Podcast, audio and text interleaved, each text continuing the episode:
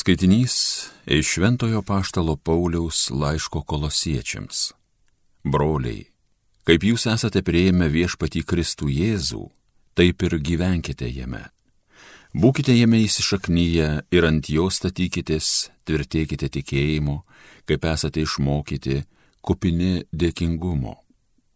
Žiūrėkite, kad kas jūsų nepavergtų tuščia ir apgaulinga filosofija, žmonių padavimu bei pasaulio pradmenimis, o ne Kristumi. Kristuje kūniškai gyvena visa dievystės pilnatvė ir jūs visą pilnai turite jame. Jis yra visokios viršinybės ir valdžios galva. Jame jūs taipogi esate apipjaustyti ne rankomis atlikto apipjaustimo, bet savo kūniškumo atsižadėjimo, Kristaus apipjaustimo. Su juo palaidoti krikšte Jūs tikėjimu jame prisikėlėte galybę Dievo, kuris jį prikėlė iš numirusių. Taip pat ir jūs, mirusius nuodėmėmis ir kūnų neapipjaustymu, jis atgaivino kartu su Kristumi, dovanodamas visus nusikaltimus.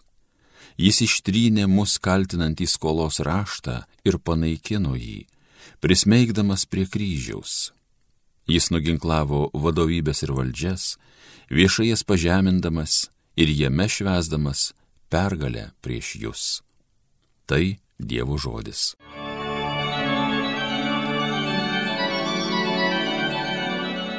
Viešpats visiems yra geras.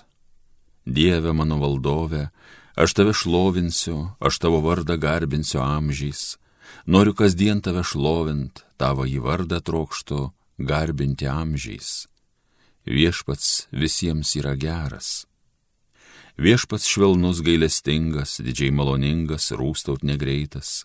Viešpats visiems yra geras, savo visiems kūriniams gailestingas. Viešpats visiems yra geras. Viešpatie, tegu visi tvariniai tau dėkoja, tegu tave garbina ištikimieji, tegu jie skelbia tavo karalystės kilnumą, tegu garsina tavo galybę. Viešpats visiems yra geras. Alleluja.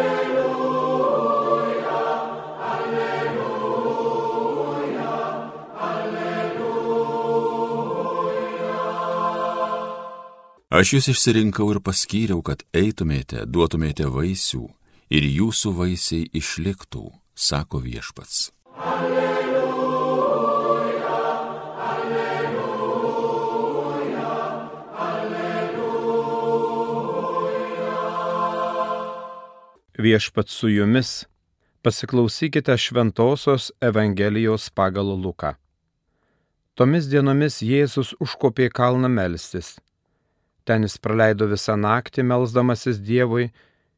Išaušus rytui jis pasišaukė savo mokinius ir iš jų įsirinko dvylika, pavadindamas juos apaštalais. Simoną, kurį praminė Petru, ir jo brolį Andrėjų Jokūbą, ir Joną, Pilypą ir, ir Baltramiejų, Matą ir Tomą, Alfėjaus sūnų Jokūbą ir Simoną, vadinamą Uoliuoju. Jokūbo sūnų Judą ir Judą Iskarijotą, vėliau tapusi išdaviku.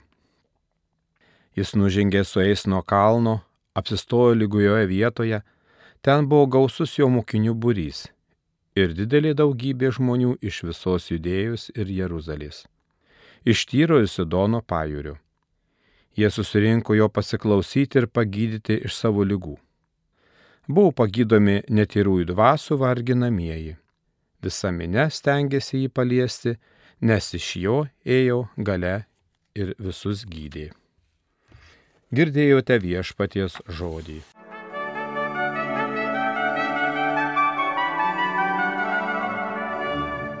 Mėly Marijos radio klausytojai, brangus tikintieji, ką tik išgirdome palyginimus vos septynių eilučių ištrauką iš Evangelijos pagal Luką.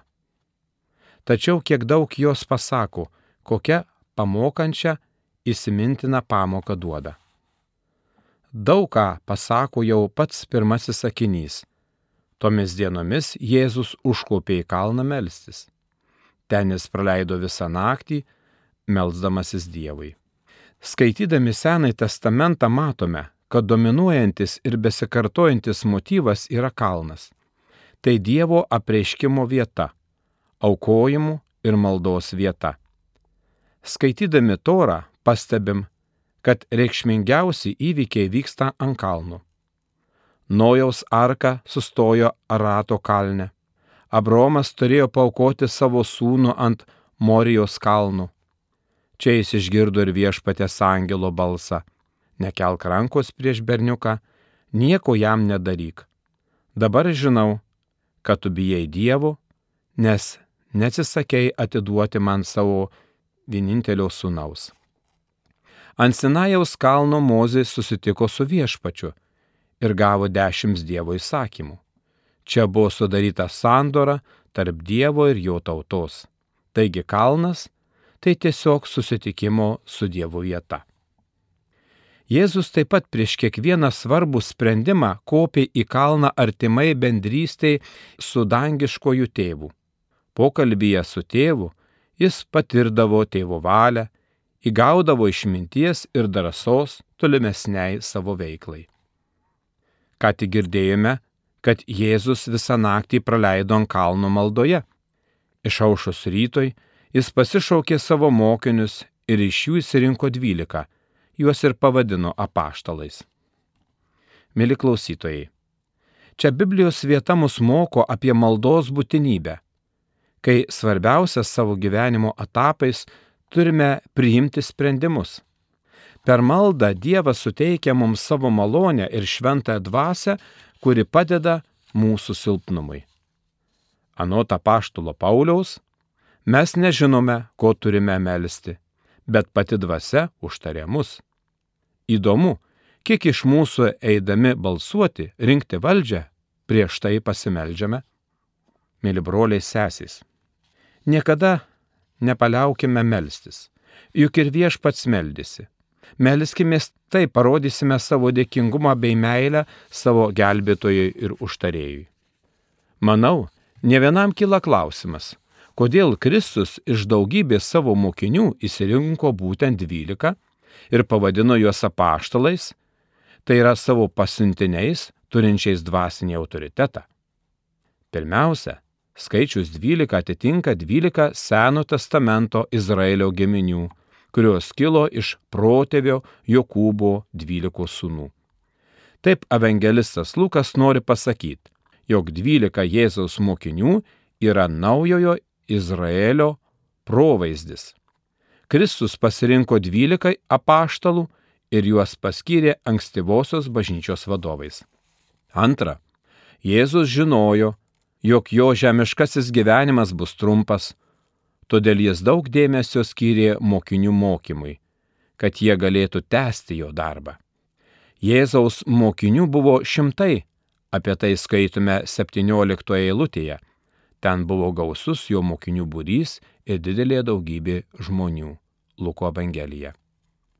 Tačiau Jėzus suprato, kad vadovai subręsta mažose grupėse.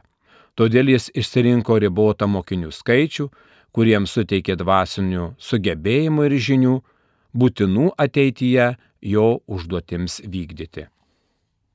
Taigi, kas buvo tie dvylika paštalų, kuriuos evangelistais įvardina net vardais? Vienuolika paštalų galiliečiai, kaip ir Jėzus. Judas Iskarijotas, vėliau išdavęs Jėzų, atrodo vienintelis buvo iš judėjos. Tai buvo paprasti vyrai - žvėjai, muitininkai, kovotojas prieš Romos viešpatavimą. Evangelijose aprašyti pastovus jų paklydimai, dviejonės ir nesutarimai. Tik po Jėzaus prisikėlimo ir žengimo dangun šventoji dvasia perkeitė juos į bebaimius galingus Kristaus Evangelijos liudytojus. Visi jie ištikimai tarnavo Kristaus idėjoms. Už tai dešimt iš jų mirė kankinio mirtimi Tik Judas Iskarijotas nusižudė, o Jonas mirė nuo senatvės. Kristaus bažnyčia taigi yra pastatyta ant šių apaštalų ir pranašų pamatų. Pats Kristus savo žemiškosios tarnystės metu įsteigė pirmąją bažnyčią, išaugdamas dvylika pakrikštytųjų, kuriuos buvo parengęs Jonas Krikščitojas. Pirmoje bažnyčioje Jėzus įsteigė viešpaties vakarienę ir įgalino ją švęsti ir ateityje, kaip nuolatinį atminimo ženklą. Jėzus Kristus taip pat paskelbė savo absoliučią valdžią ir įgaliojo bei pavedė savo bažnyčiai skelbti Evangeliją, krikštyti ir mokyti. O prisikėlimu prieš įžengdamas į dangų Jėzus įsako savo vietiniai bažnyčiai pasilikti Jeruzalėje ir laukti šventosios dvasios pažado. Šis pažadas įsipildė sėkminių dieną. Štai kodėl mes negalime sakyti, kad sėkminės yra bažnyčios gimtadienis, bet jau egzistuojančios įgalinimas ir patepimas. Jėzaus Kristaus bažnyčia paruošė Jonas Krikščitojas, o Jėzaus pašaukė ir paskyrė paštalus, kurie veikė kaip jo bažnyčia, jo žemiškosios tarnysės metu. Laiške korintiečiams apaštalas Paulius sako, ir šiuos Dievas paskyrė bažnyčioje pirmą apaštalais, antrą pranašais, trečią mokytojais, po to stebuklai, paskui išgydymų dovanos, visokia pagalba, vadovavimai ir įvairios kalbos. Šios dienos homiliją baigsiu pirmajame skaitinėje girdėtą apaštalo Pauliaus žodžius. Taigi, kaip esame prieėmę viešpati Jėzų Kristų, taip ir gyvenkime jame. Būkite jame įsišaknyje ir ant jo statykitės, tvirtinkite tikėjimą kaip esate išmokyti kupini dėkingumo. Amen.